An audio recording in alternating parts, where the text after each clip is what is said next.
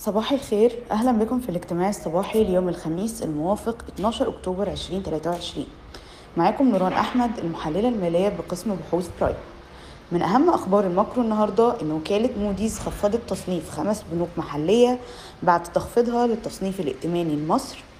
البنوك دي هم البنك الأهلي المصري وبنك مصر وبنك القاهرة والبنك التجاري الدولي واللي تم تخفيض تصنيفهم من B3 ل CAA1 بينما بنك الإسكندرية تم تخفيض تصنيفه من B2 ل B3 تاني خبر إن مصر بتنفي أي خطط لربط الجنيه المصري بسلة من العملات.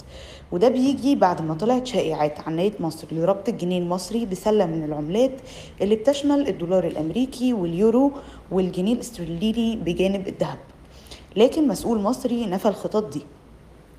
بالنسبة لأخبار الشركات وافق مجلس إدارة إيديتا على عدد من القرارات.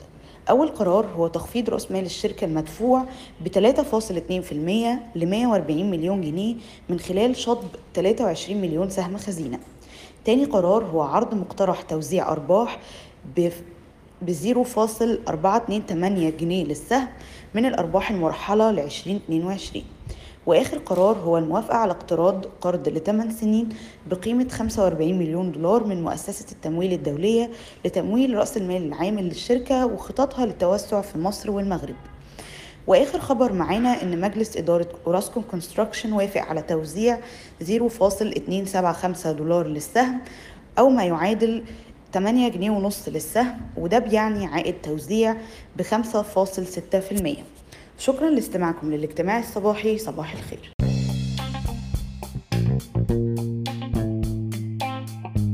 يرجى العلم أن هذا العرض هو لأغراض معرفية فقط، ولا يمكن اعتباره عرض أو توصية شراء أو بيع أو إدارة استثمارات أو خدمات استشارية. ينصح باستشارة مستشارك المالي قبل اتخاذ أي قرار استثماري، علما بأن الأداء التاريخي ليس مؤشرا يعتمد عليه لتحديد الأداء في المستقبل.